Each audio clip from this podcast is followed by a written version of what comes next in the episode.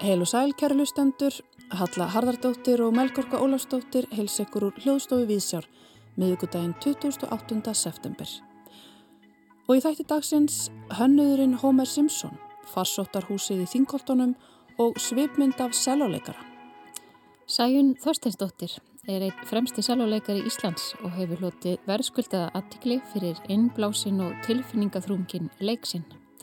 Sæjun hefur verið búsett í bandaríkjunum stóran hluta æfinar en verður í vetur staðalistamæður hjá Symfóníuljónsitt Íslands. Sem slíkur kemur hún fram sem einleikari á tvennum tónleikum hljómsittarinnar á samt því að halda einleikstónleika í tvígang. Sæjun verður gestur viðsjár í sveipmynd dagsins, segir okkur frá þessum og fleiri verkefni framundan og svarar nokkrum spurningum af spurningarista Prúst. Og við fáum að heyra að vanga veldur arkitektur sagfræðingsins Óskars Arnórssonar. Pistill Óskars fjallar að þessu sinni um það þegar Homer Simpson hannaði bíl og hvernig við getum ekki öll fengið allt það sem viljum þegar kemur að hönnun. Við sögu koma einnig þvottaefni á Ruslahauðu í Japan, vasshóllin í hlýðunum og nýjar byggingar hannaðar fyrir eldriborgara og miðaldra kvítur Karl. En við byrjum í dag nýri miðbæ. Í dag gefur sögufélagið út bókina Farsótt 100 ár í Þingolstræti 25 eftir skáldið og sagfræðingin Kristínu Svöfu Tómasdóttur. Í bókin er ekki aðeins sögð 100 ára saga Farsótturhúsins, heldur líka saga af lækningum, saga borgar og velferðarkerfis en ekki síst saga af fólki.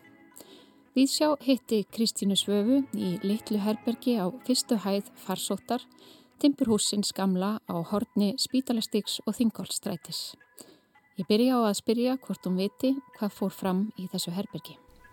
Já, það er ekki uh, til svo sem neitt rosalega skýrt plan yfir húsið svona allavega fyrstum sinn en ég myndi svona giska á hlutverk þessa herbyggis hérna það er sem sagt þegar húsið var byggt þá voru svona stærri sjúkrastofur sem að snúa út að þingoltstræti á báðum hæðum. En svo eru svona minni her, uh, herbyggi sem að snúa upp í brekkuna upp á spítalastík og ég myndi halda að herbyggi sem við erum í núna það gæti hafi verið þegar sérst húsið var byggt fyrst þá var það bara byggt sem almennt sjúkrahús til að hýsa fyrsta sjúkrahús reykvikinga árið 1884 og ég myndi giska á að þetta herbyggi hefði annarkort verið bara lítil sjúkrastofa eða gæti líka hafi verið notað undir kennslu læknaskólans sem að fór fram hérna í húsinu og þar var ljósmóðurnefnum líka kent og ég veit að læknaskólinn hafi allavega eitt herbyggi og ég myndi halda síðan þegar farsóttahús Reykjavíkur er stopnað hérna árið 1920 þá hefur þetta örglega líka bara verið lítil sjúkrastofa eða eitthvað svo leiðis en ég hef þá kenningu að þetta sé herbyggja því að það er á milli sagt, frá því að upprunlega sjúkurhúsi, sjúkurhús Reykjavíkur lokaði um aldamáti 1900 og þánga til að farsótahúsi var stopnað 1920 þá var þetta íbúðarhús. Og eh, ég hef þá kenningu að það hafi verið þetta herbyggi sem að Elínborg Lárustóttir Ritthöfundur og, og spíritisti leiði eh, þegar hún bjóð hérna árið 1918 minnum að það hafi verið vegna þess að hún segi frá því að þá hafa hún geta hort út á líkhúsið í gardinum. Eh, hún hefði verið í litlu herbyggi þar sem hún gæti hort út á líkhúsið í gardinum og, og það er alveg, ef það sæjist betur gegnum þessa glukka hérna, þá væri hægt að sjá gamla líkhúsgólfið fyrir ofan húsið. Já, en líkhúsið sjálft er farið? Já, því miður var það rifið á nýjönda áratögnum. En það sjást enþá svona smá brotnar flýsar, svartar og hvítar hérna á loðinni fyrir ofan og það eru sérstaklega gömlu flýsarnar úr, úr gólfinu á krupningastofinni tvær hæðir, kjallari og rís og á öllum hæðum myndu bara hafa verið uh, sjúkrastofur en síðan líka einhver svona eldunaraðstæða og síðan herbyggi fyrir bara starfsfólkiða því að, að, því að hérna, spítalaráðskonan bjó í húsinu og líka vinnukonur og það sama við einmitt þegar farsóttahúsið var stopnað 1920 þá er þetta bæði einmitt þarf bæði að hafa sjúkrastofur en svo er líka starfsfólkið ámart heima hérna.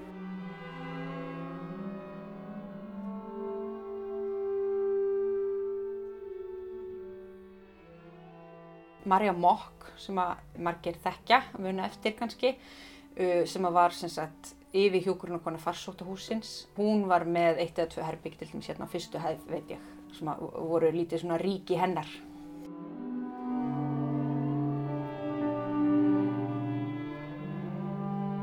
Húsi var sérst byggt 1884 og það var byggt af félagi sem hétt Sjúkarhúsfélag Reykjavíkur og þetta sjúkarhúsfélag hafði sérst stopnað fyrsta sjúkarhús í Reykjavík uh, á sjönda áratug 19. aldar og legðu fyrst eða hérna hafðu fyrst efri hæðina í samkomiðhúsi bæjarins Skandinavíu í kirkustræti þar sem að hjálpræðisherinn kom síðar og vorum við með sjúkarhús efri hæðinni og svo var, voru bara svona hérna, leiður út samkomiðsalur á næri hæðinni þannig að þar var alltaf partí og leikritt og eitthvað svona og svo eru sjúklingarnir uppi og svo þótti þetta ekki ganga lengur. Þannig að félagið ákveðsist að byggja þetta hús hér í Þingoltstræti þannig að þetta er svona fyrsta sérbyggða sjúkarhúsið í bænum og starfaði síðan sem slíkt. Og þetta fólk sem að hérna, kom upp þessu sjúkrahúsi var allt mikið áhuga fólk um að koma upp almennilegum landsbítala það gekk mjög hægt að fá stjórnvöld, íta á stjórnvöld til þess en svo þarna 1902 þá bjóðast sem sagt kathólskar nunnur til að koma upp landakotspítala. Það var náttúrulega mjög gott fyrir stjórnvöld sem þurfti ekki að leggja út fyrir landspítala ennum sinn. Þannig að já, landakotspítali opnaði 1902 og líka franski spítali við Lindagötu sem að frakkar komu upp.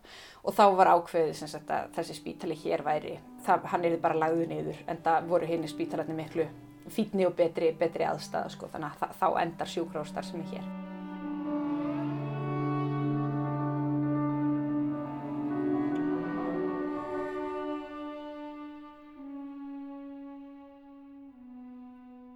Sko það er aðna, það eru mjög merkilegi hlutir að gerast þarna um eins og aldamóndi 1900 því að fólk er að byrja að bræðast á miklu svona skipulegðri og umfang sem er hátt við farsóttum en það eru líka kannski sko allavega sömar farsóttir kannski kominu aukin áhætta því það eru meiri samkvöngur í útlönd og, og svo leiðis og það er daldi vesen hann að við upp á 20. aldar að koma farsóttasjúklingum fyrir uh, af því að það er bara hluti af sóttvörnum að einangraða náttúrulega og það var oft erfitt að einangra fólk heima uh, í þrönguhúsnæði, stóra fjölskyldur og sjúkurhúsplása skortnum skamti Þannig að þetta er bara daldi vesen, hann að fyrstu tvo áratöyu aldarinnar og semst algengustu farsóttirnir á þessum tíma eru taugaveiki, e, skarlatsótt og barnaveiki.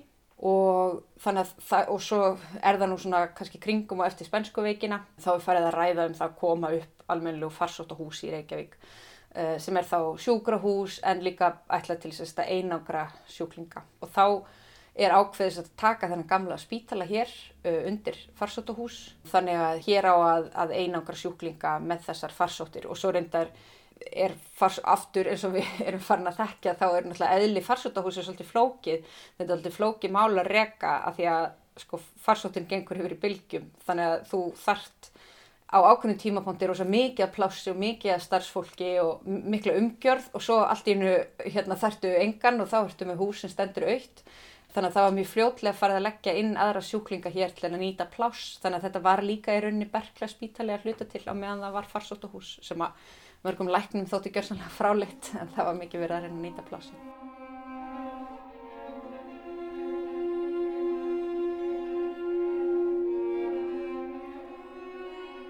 Er þannig með í öldin að þá er ímislegt að gerast. Þessar gömlu farsóttir eru svolítið byrjaður að hopa.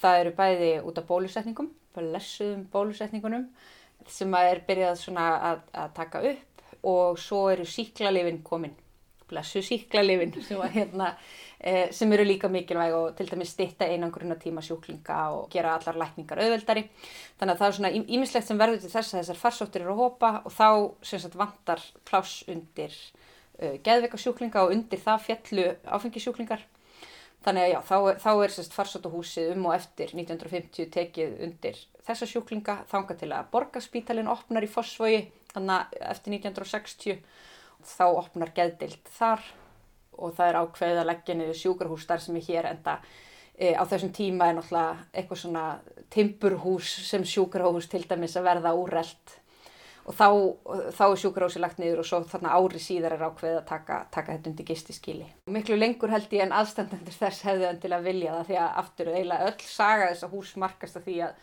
að fólk talar um að það sé orðið gjörsenlega úrelt fyrir þá starfsemi sem að hérna hér er og eiginlega bara liggum við tíu árum eftir að það er byggt sko er, er það ráttir fartir að heyrast og það átti við um gistiskili líka. En það var sérst stopnað hérna 1970 þegar e, er að hefjast svona kannski aðeins meiri umræðu um úrræði fyrir heimilislausa og þá er ákveðið að koma upp því sem átt að vera eins og í rauninni einmitt allar stopnarnir sem hafa verið hér hafa verið hálfgerð svona neyðarúrræði og neyðarúræði sem síðan endast bísna lengi.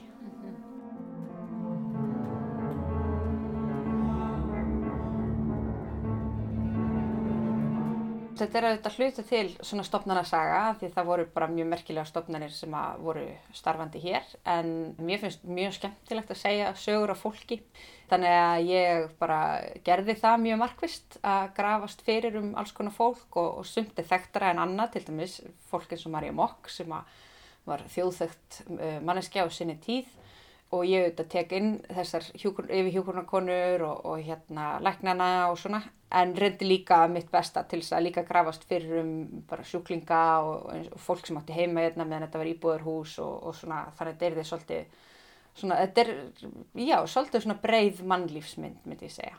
En ég hjó eitthvað eftir að ég var að kynna mér að það hefur verið einna sundlug Kannastu þið það? Já, svona, einhvers svona ymmið, ég nöyt mjög um þetta þegar ég sá þetta. Ég held að sundlög sé kannski pínur yfirlegt. Þetta var einhvers konar sundker og það var sem sagt, það var byggð viðbygging við húsið uh, um miðjöldina, bara svona lítil viðbygging hérna sunnan megin og á þessum tíma þá er svo mikið að fólki uh, sem hefur fengið mænusótt og agurirarveikina hérna og lamast að einhverju leiti og það var svo mikilvæg mikilvægur hluti af endurhæfingu slíkra sjúklinga að fara í heitt vatn og þá var fyrst ferðið í sundhöllina eftir að hún opnaði þá farið með sjúklinga þangað en svo eftir að viðbyggingin kom þá var þessu litla sundkeri komið upp á efri hæðina en það var svo fjarlægt aftur eftir að mænusótt á sjúklingarnir fóru. Það gengi upp hérna.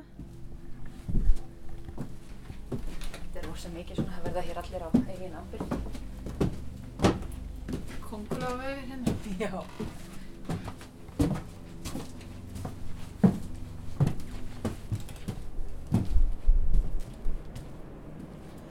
Hér er efri hæðin, hérna er sagt, þessi viðbygging.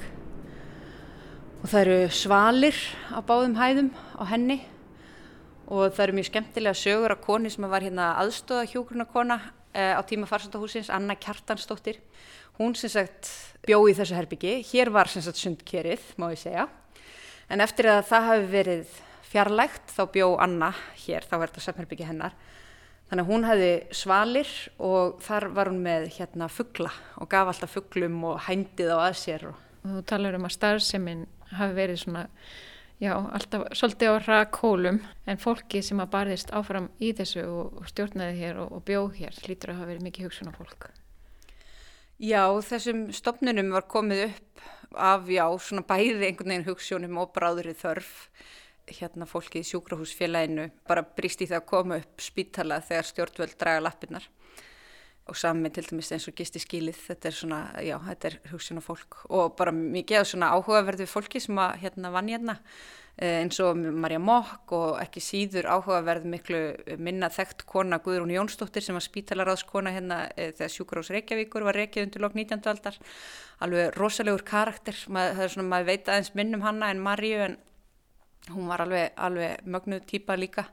Þannig að það er já, mjög mikið af skemmtilegu bara fólki finnst mér sem að kemur við þessa sögu uh, sumt svona kannski aðeins þekkt en, en líka bara mikið af hérna bara fólki sem er ekkert, ekkert frækt sko en, en, hérna, en var mjög skemmtilegt að einhvern veginn fá að segja smá sögur af. Hérna síst vekkfóðrið, mörg lög af mörg lög af vekkfóðri og margir litir já, þetta er bara eins og eitthvað hérna listaverk sko. Mm -hmm. Eitt sem að ég hef stundum minnst á og bara varð einhvern veginn mjög hugsað um er að lesa um krakkana sem voru hérna eins og á tímum farsótahúsins. Þetta voru náttúrulega mikið af þessu miklu barnasjúkdómar sko, eins og barnaveikin og svona og þetta voru oft krakkar í einungurinn og þetta er svo öðruvísin í dag eða ég heldur ekki að sé öðruvísin í dag að hérna, veist, þetta voru kannski bara nokkur ára gamli krakkar í margra vikna einangurinn, einhvern veginn einn og bara fengi ekki sjá mömmu sína nefnum brotum klukkan sko og þær stóð alltaf hérna út á þingolstrætinu mömmunar og veifuð upp í klukkan. Til krakkana og voru svona, eitthvað krakkarnir voru að hrópa um klukkan hvað er þetta að kaupa handaðum og eitthvað svona. Þannig að þetta eru svona, þetta er ljúfsárar sögur sumar sko og sumir krakkar þurfti að vera alveg bara fáránlega lengi einir sko eins og þeir sem fengum mænusótt. Um, maður fær pínu svona stingi hjartar yfir þeim sögum til dæmis. Mm -hmm. og svo auðvitað bara þessi farsóttar reynsla okkar síðustu ár hafa auðvitað svona bröðuð aðeins nýju ljósi fyrir mann á viðfangsefnið. Ég var byrjuð á þessu áður en að COVID kom en það er allt annað að lesa um svona hluti hafandi einhverja svona smá insýn inn í það sjálfur.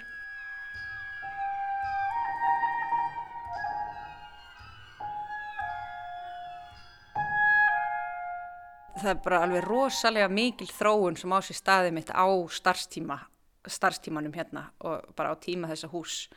Þannig að þegar, þegar sjúkrahúsi opnar 1884 er mitt, þá eru ekki konabólusetningar og ekki komið síklarlif það er ekki komin vassveita í Reykjavík og það er ekki komin fráveita þannig að það þurfti að bera allt vatn til sjúkrahúsins og brunnum og uh, það, var, það var öllum úrganginum að bara sapnaði einhvern svona haug á spítalalóðinni sem var svona frekar ókislegar sögur af þannig að bara svona það sem að manni finnst vera algjör grundvallar andrið í einhverjum sjúkrahúsrekstri voru ekki til staðar en það var að eiga sér stað á starfstíma sjúkrahúsreikjavíkur undir lok 19. öldar þá er samt sko, þá eru síklafræðin að, að hasla sér völl líka á Íslandi.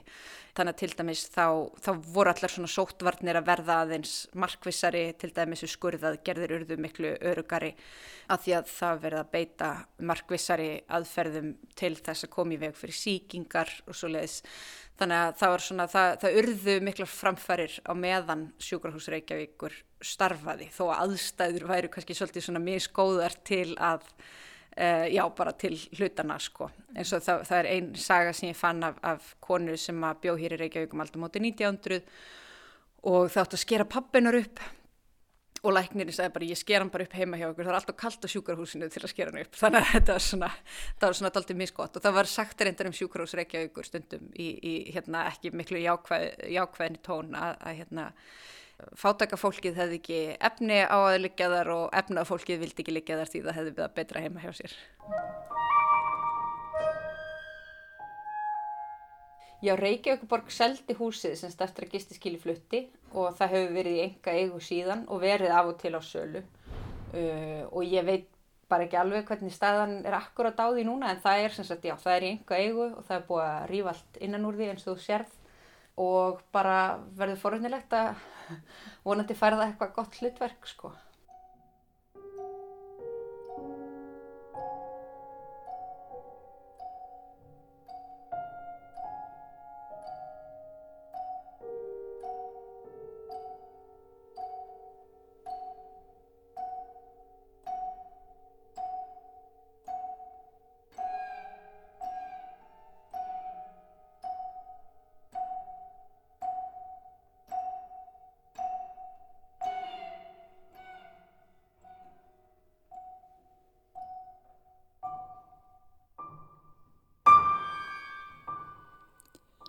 Brot úr kammerverkinu The Weeping White Room eftir danska tónskaldið Bent Sörensen. Hér er lók viðtals við rittöfundin og sakfræðingin Kristínu Svöfu Tómasdóttur í telefni bókar sem að kemur út í dag og ber titilinn Farsótt 100 ár í Þingóldstræti 25. Og þá er komið að pysli um arkitektur frá Óskari Erni Arnársinni. Þrjú eftirminnilega atriði úr Simpsons þáttum. Bill Clinton og Bob Dole eigast við í fórsetavalinu í Bandaríkunum árið 1996. Í einhvers konar rekjavögutætti eru þeir brotnumdir af geimverum sem síðan koma fram í þeirra stað. Þegar þeir kynna sig, segja þeir I am Bob Dole og I am Clinton. Akkur er mann ég þetta? Ég veit það ekki. Hver var lærdómurum með þessu? Ég veit það ekki. Vandræðilegt. Jæja, atriðið nummið tvö. Einhver hluta vegna eru Homer, Lisa og Bart að væplast um á ruslahaugum í Japan þegar Homer gengur óvart á kassa með þvottaefni sem á er mynda honum sjálfum. Og hann spyr með örvæntingu í röttinni Akverju er ég á japanskum kassa? Þetta atriði saði mér að hugar okkar leitaði minnstrým í umhverfinu sem eru þegar allt kemur til alls merkingalös. Nefn að okkur takist að setja þau í samengi við eitthvað annað í gegnum skinnjun okkar og minni. Það var ekkert samband á milli Hómers og þvottaefnisins nema svo tilviljun að hann var á þessum ruslahaugum og gatt mynda þessa tengingu í huganum. Það var tilviljunin sem var ótrúleg en ekki kassin. Eitt atriði viðbútt. Þegar Hómer hannar bíl fyrir bróðu sinn. Ég verða viðkjöna að ég horfa á þetta atriði aftur núni gær með því að leita það uppi. Það er nóg að slá inn Homer, Brother, Car í leitavílinn í Vafranum og það sveik mig ekki að var í raun betra en það var í minningunni í raun ákveði Japanese box moment í sjálfu sér atriði sem valdi mig þegar ég var nýjára og sem ég er að rifja upp í útvarpinu 31 ári síðar þegar ég loksins komið með tólinn og tækin til að greina það. Það sem gerist í þessu atriði er að Homer kemst að því að hann á ríkan bróður að nafni Herb Powell sem er bílaframleðandi í Detroit. Herb hrættur um að bandarískir bílaframleðendur séu að missa viðskipti til Japan sem í þessu tilfelli er staðgengil alþjóðavæðingar, fær Homer Simpson til að hanna bíl fyrir hinn venjulega Amerikana. Homer hannar ófresku að nafni The Homer sem er svo fáránlega misefnu og dýr að hún gerir bróðir Homers umsvifalust skjáltróta og ef mér misminir ekki heimilislausan. Þessi þáttur er tilvitnun í sögulega þróun í bílaðinaði en það er hægt að segja að hönnun allra nýtjalhuta þar á meðal arkitektúrs hafi verið með sama móti. Á tíunda áratugnum í bandaríkunum leið fólki eins og hönnun hlutana hefði fjallægst það fólk sem þeir voru hannaði fyrir. Hlutir voru farnir að líkjast markaðsrannsóknum sem voru gerða til að kanna grundvöldin fyrir þeim og ekkert koma óvart lengur. Þegar Homer sagði fyrir framann Powell bróðið sinn að hann vildi stóran bíl, sögðu markaðsmenn Powells að Amerikanar vildu litla bíla. Þegar Homer sagðist vilja kraftmikinn bíl, þá sögðu markaðsmenninir að Amerikanar vildu sparnetna bíla. Lærdómurinn sem Powell dró af þessum samskiptum var að það þýrt að fá Homer til að hanna bíl, að því að hann myndi geta hanna tegund af bíl sem bandaríkjaman vilja raunverulega, ekki það sem við segjum þeim að við viljum. Hönnuninans Hómers var stórslis að því þegar allt kemur til alls þá veit fólk ekki hvaða vill. Til þess þarf hönnuði. Það er einhverja hugmynd um hvaða vill, stóra bíla, kraftmikla bíla, en fengið það allt sem það vill myndi það tortíma sjálfu sér og heiminum með því. Í einni senunni segir Hómer að hann vilji staði bílum fyrir drikkin sinn. Þegar aðal bílahönnuðurinn tjáir Hómer að bílinn sé vissulega með glasahaldara Þá svarar Homer fullum hálsi, þú skilur ekki Einstein, ég vil stað fyrir drikkin minn og á þá við eitthvað gríðastort glas sem að passar ekki í glasahaldran. Þegar allt kemur til alls, passar ekkert glasan okkar í glasahaldran og við þurfum því að sætt okkur við einhverja stöðlun, lægsta samnefnaran, bíl sem er lítill, sparnitinn og líkist Excel-skjálinu sem var notað til að búa hann til.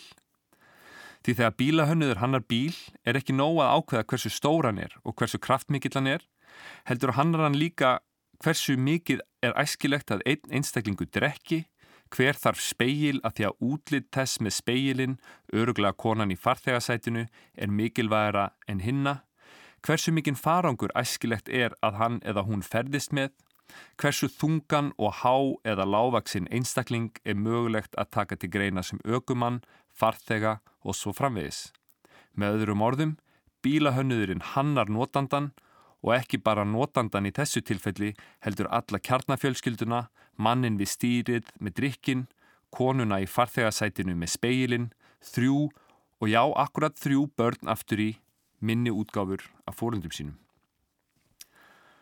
Svona bílar eru ekki hannaði lengur held ég Án þess að vita þá efast ég um að rafmagsbíla nútímans séu með speikla farþega megin, þessi pistill minn ber því freka vott um mína eigin heteronormatífu slagsíðu. Akkur ættu konur frekar að þurfa speikla en karlar? Er þetta ekki frekar þannig að manneskjan sem situr farþega megin getur veitt aðtegli sinni í að speikla sig, sama hvort það sé kalla eða kona? Er ekki beinleginis hættulegt að vera eitthvað að speikla sig á meðan maður keirir?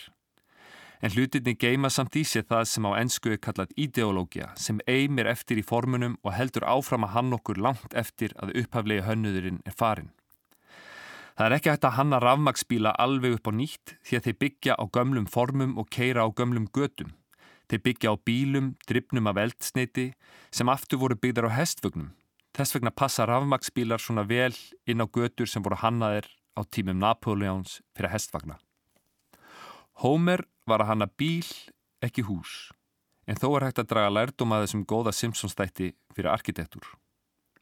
Arkitektur getur ekki fullnægt öllum þörfum okkar og hann á ekki eins og að gera það því ef hann gerir það þá er hann beinlinni skadlegur, okkur og öðrum. Arkitektur eins takmarkar arkitektur annars.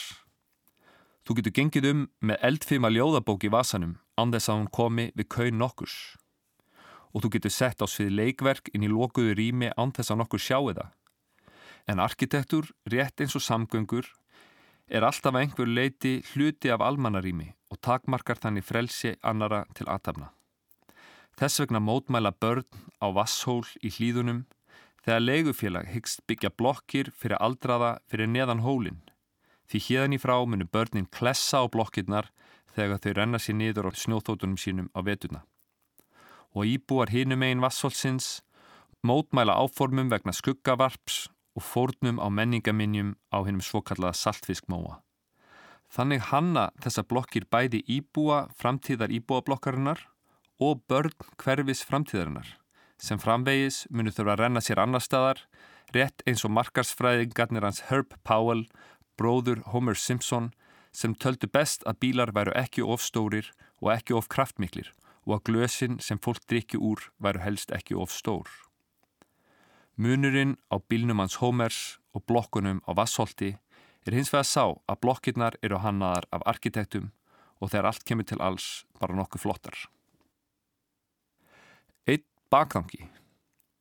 Þetta sem ég sagði með að arkitektur og samgöngur væru eina listformið sem takmarkar frelsi annara er kannski ekki allskosta rétt. Ljóðabókin í Vasa náungaðins er unnur um pappir en til að búa hann til þurft að fella skó, jú eða kannski endurvinna pappir, taka tíma og degi prentarans sem hún hefði geta varið til að prenta næsta kommunista ávarpið og svo framvegis. Þannig að ljóðabókin eftir vinkonu þína skerðir tilveru rétt ljóðabóka annara vinkvennaðina sem og trjáa hinum einn á nettinum, hversu mikið sem þú heldur henni fyrir sjálfaðið. Og nú þar sem ég siti útvarpinu og tala um Simpsons á þessari bylgjulengt er einfallega ekkert annað sem kemst að á þessari bylgjulengt. Sem þó mætti með réttu nafni nefna sameign mannkins eða alheims allt eftir hversu mannesku miðuð við erum. Á meðan ég sitt hér, miðaldra kvítur kartmaður, með rassi mínum plantað kyrfila í stól í ríkisútvarpinu og tala um 30 ára Simpsons þætti, þá kemst engin önnur að til að tala um aðkallandi hluti samtímans. Þess vegna þurfum við alltaf að hugsa áður en við setjum eitthvað út í heiminn hvort það hefur raunverulega rétt á sér og hvort það sé raunverulega betra en ekki neitt. Ég þakka því fyrir þetta tækifæri til að taka upp á þessari bilgjulengt og vona að þessi pistill hafi ekki gert meira ílt en gott. Takk fyrir það, Óskar Örn Arnórsson. En þá er komið að svipmyndinni. Sæjun Þorsteinsdóttir, selvoleikari, er staðalistamaður Symfónhljómsveitar Íslands í vetur. Hún leikur einleik með hljómsveitinni í Elborg Hörpu annað kvöld og heldur jáframt einleikstónleika í Norðurljósum á förstaskvöld. Sæjun er gestur okkar í svipmyndagsins og tók með sér nokkur tónverk. Við byrjum á því að heyra fyrsta tóndæmið sem hún valdi.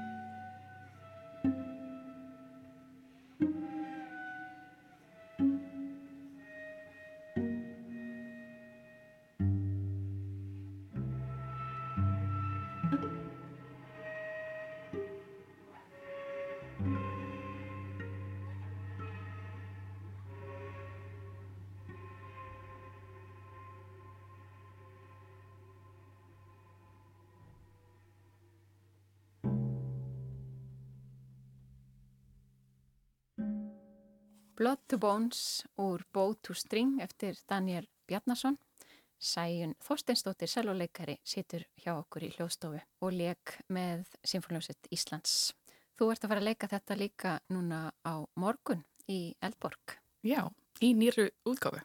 Eru mikla breytingar á verkinu? Já, nokkrar. Skemmtilegar. Komu upp svona.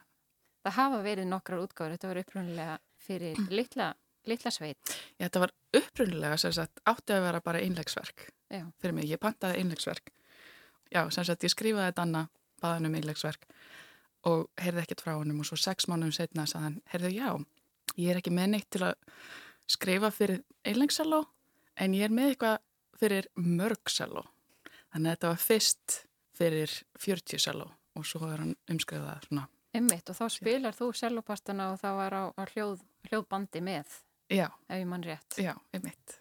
Og núna er þetta orðið þetta konsert sem hefur farið víða. Þú hefur spilað þetta víðar heldur en hér, eða ekki? Jú, bæði í LA og Hamburg og bara Toronto og út um allt. Hvernig er það fyrir hljóðfærarleika að koma aftur að svona verki, svona mörgum árum síðar? Er þetta bara svona, er þetta inn í frumuminninu, er þetta bara svona eins og að fara aftur á hjólið? Hvernig virkar þetta? Já, það er eiginlega ótrúlegt. Þetta er einhvern veginn í puttunum, þetta er í, í bara, já, sálinni einhvern veginn. Þegar maður er múin að spila það svo oft. En þá er líka svo gaman að hafa einhverja svona smá breytingar. Þá er þetta einhvern veginn alltaf ferst líka. Það verður ekki svona blæðbriði og annað, Jú. verður ekki tólkunin önnur að því að þú ert önnur í dag? Nákvæmlega, einmitt. Það er nefnilega það sem er svo gaman. En svo er þetta frumflytja líka annað íslenskt tónverk eftir Veroník Vöku. Hvernig er það? Er það mjög ólíkt þessu? Mjög ólíkt. Verkið hennar Veroník er sem sagt bara eitt kapli og hérna hún er að, að taka sem sagt jökla sem svona inspiration og hérna já hún hefur náttúrulega allt annar svona tónheim og, og, og er að nota sellóið í rauninni sem svona já ekki kannski eins og venjulegt svona einlegs hljóðfærið þetta er svona kemur inn og út úr hljómsutinni Mm. sem er skemmtilegt.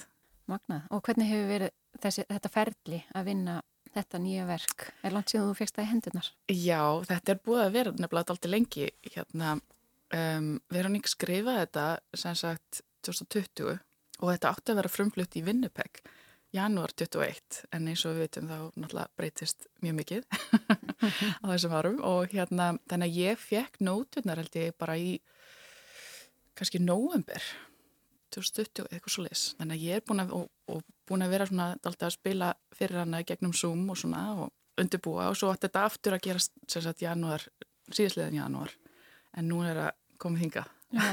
En gerði það ekki bara verkinu gott að fá svona góðan Jú. tíma til þess að, melda, já. Mm það er eðislegt Og jöklarnir hafa bráðnað heilmikið síðan. nákvæmlega En þetta eru fyrstu tónleikar í svörtu tónleikaröðinni hjá symfóníinni. Þar sem að þú ert í aðalhutverki. Þú ert staðalistamaður symfóníanar í vetur. Hvað, hvað þýðist það? það þýðir að ég hef svona smá vít til að gera eitthvað skemmtilegt og eitthvað svona aðeins öðruvísi sem að er mjög gaman sem svona að koma inn og, og geta leikið sér Og fær þú að velja alveg tónverkin til dæmis þú kemur tvísar fram sem einleikari með hljómsveitinni og svo eru tvennir líka einleiks tónleikar. Já, ég fekk svona, já, aðeins að leika mér meira til dæmis með tónleikana núna á föstudaginn sem er í föstudagsröðinni. Og það er svona cello tónleikar þar sem að ég er bæði að spila einn og svo bætist alltaf við fleiri celloleikarar úr sinfoníinni og það er daldið skemmtilegt, það er eitthvað svona við celloleikara, við viljum vera saman það er ekki alltaf, þú veist píjónuleikarar er alltaf svona daldið einir við erum ekki verið að spila með öðrum píjónuleikarum en celloleikarar við erum svona Svona bánsar. Já Það er alltaf spurning sko, vilum maður hljófærið sjálfur eða svona verið hljófærið sig eða þú veist, það hvað er hérna Einmitt. dregur að sig, ég veit það ekki Veistu, en mannstu sjálf hvernig þú valdi sjálfuð eða, eða sjálfuð þig?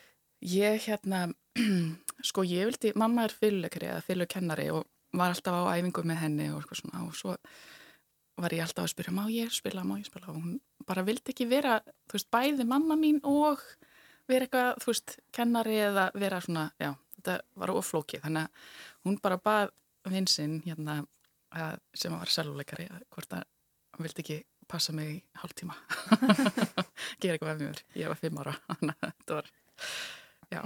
Og var þá ekki aftur snúið bara, eða hvað? Nei, eiginlega ekki. Ég man að mér langaði að spila á hörpu ég veist það svo flott. En ég held þessi bara fegin að ég mm -hmm. fekk tækifæri til að spila á saló. En fyrir svona þá hlustundu sem ekki vita þá hefur eiginlega búið í tveimur löndum, þú ert alveg upp hér og í bandaríkjónu segð okkur aðeins frá þinn skólagöngu. Já, ég er eiginlega mest búin að vera í bandaríkjónum við fluttum út þegar ég var sjóra fyrst, þannig að þetta er búið að vera alltaf mikið úti mm. en mér finnst ég alltaf verið að koma heim þegar ég kem þegar ég lendi í Keflavík, mér finnst alltaf að vera svona, já, þannig tilfinning. Akkur Þessi... fluttið út? Já, það, pappi var í, hérna, hann er læknir og hann var að gera, sem sagt, residency og já, þannig að hann fór út til Iowa og hérna, planið var alltaf að koma aftur heim mm. þegar hann var búinn og gerðum það í svona eitt ár en svo bara kom hann að tækja farið fyrir hann og við fórum aftur út, þannig að þetta var svona mjög stutt. En það eru fleiri verkefni framöndan sem að tengjast um, Íslandi. Já. og þú ætlar ekki bara að láta nægi vera staðalistamæður symfóníunar heldur ertu með fleiri verkefni framöndan Já, mér finnst alltaf gaman að hérna, gera eitthvað svona nýtt. Og það er verkefni sem að náttúrulega ég verða að vinna mjög mikið eða vorum að vinna saman ég og, og vinnum minn Greipur Gístilsson í hérna á Ísafjörði tónlistarháttiðin við djúpið. Og þaðan kynnist hann og náttúrulega ég kem með fullt af amerískum hljóðfæraleikarum. Og einn af þeim, James Austin Smith, er með tónleikaröð í New York sem er í veitingastöðum.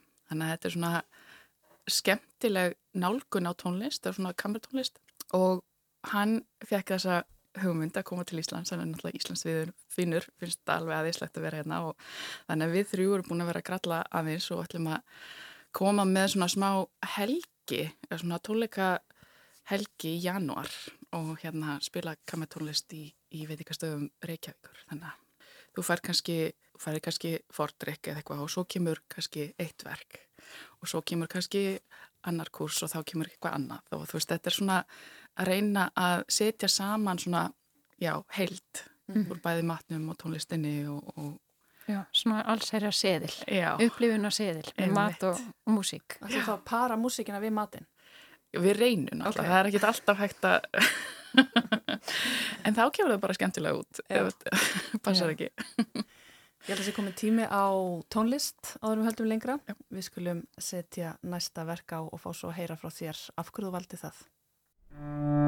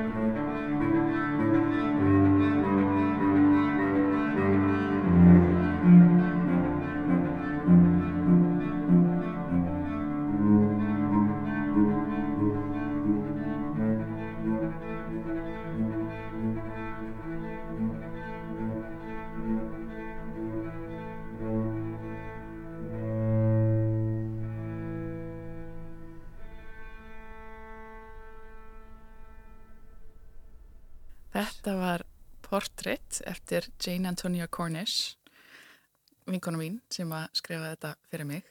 Já, portrétt, er þetta portrétt af þér eða? Já, það er kannski ekki beint af mér en mér, það sem mér finnst gaman við þetta er að þetta er sagt, verk sem að hún leifir hljóðfærileikur eða seljuleikarunum rosalega mikla vít til að tólka. Mm -hmm. Það er hægt að taka rosalega mikið tíma og hún sagði það aftur og aftur og aftur, bara meiri tíma, taktu meiri tíma, meira flæði, meira bara eins og þér finnst mm -hmm. og mega taka þetta alveg bara mm -hmm. eins og þannig að það, það er mjög skemmtilegt að spila það því að þá getur maður virkilega bara svona verið alltaf í núinu. Já, og sett sjálfa þig inn í, já, hún gefur flytjandanum mikið plás. Mjög mikið plás. Og þú hefur líka verið mjög öflug í að, að spila nýja músík og haft mikið áhuga á því að frumflytja og, og panta verk. Já, mér finnst það eiginlega það skemmtilegasta sem ég geri mm -hmm. er að hafa þetta samtal með tónskáldum og, og, og sjá svona, já, hvað þau eru að pæla og, og gera eitthvað nýtt og sjá hvað gerist mm -hmm. í staðan fyrir að vera að gera eitthvað sem er búið að vera að gera oft. Hverjar eru svona þínar helstu fyrirmyndir þegar það kemur að tólkun í sæláleik? Hafa verið gegnum tíðina?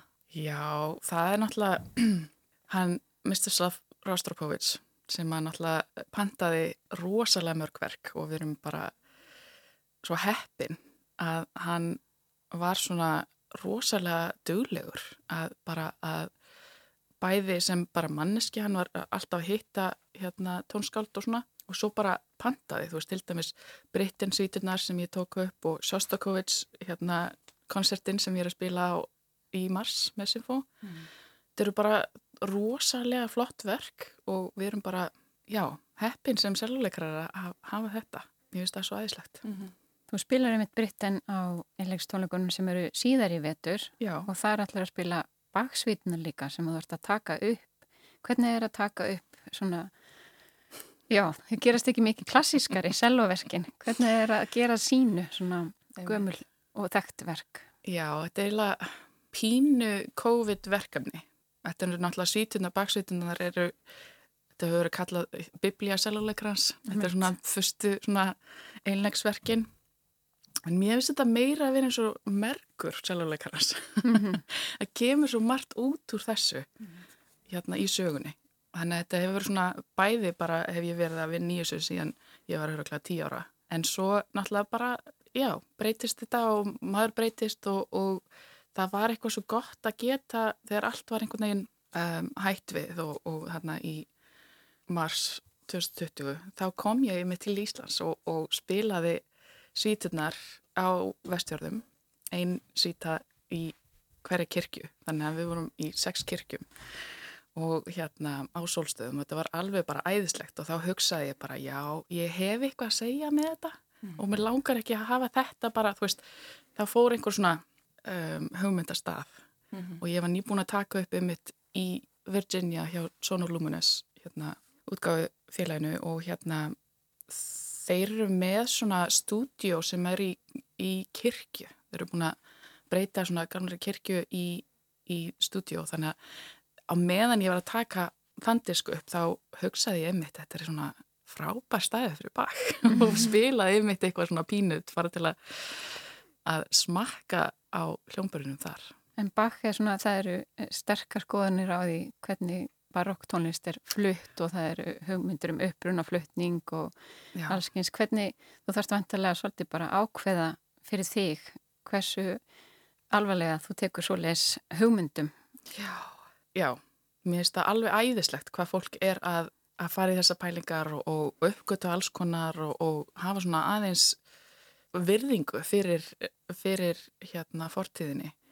En svo þarf ég líka að hugsa að veist, ég er að spila á nútíma selló, ég er ekki að spila á gammalt selló, ég er ekki á hérna með þannig boga, ég er ekki með, veist, þannig að ég þarf líka pínu að hugsa, þú veist, jú, auðvitað við verum að taka um, kannski hugmyndinar sem við höldum að bak hafði og svo þurfum við að tólka það sem við erum núna það sem að ég er núna allavega og ég, ég er að hugsa það eiginlega þannig bara þetta er ekki, þetta er kannski ekki stempillin svona finnst mér að bakk eigi að vera spilaður, heldur bara mér liður svona um þetta verk í dag og það var tekið upp og svo er náttúrulega breytist það og þróast það, vonandi.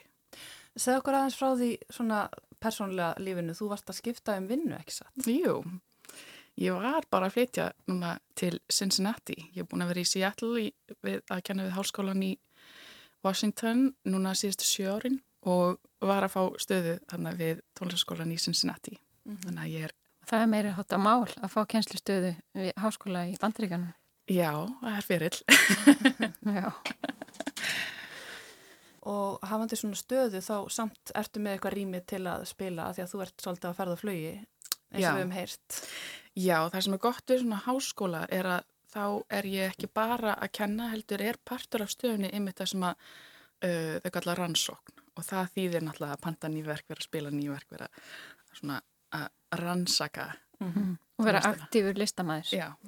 og við fáum að njóta þess hérna heim á Íslandi, greinilega Sannarlega. Við þurfum að, að skiptum kurs. Það er komið að næstu því að leðalóku með Sæn Þorsteinsdóttir, sæluleikari, gaman að vera með þér hérna. En við ætlum að fara yfir í spurningalistan okkar sem við endum alltaf þessa svipmynd á.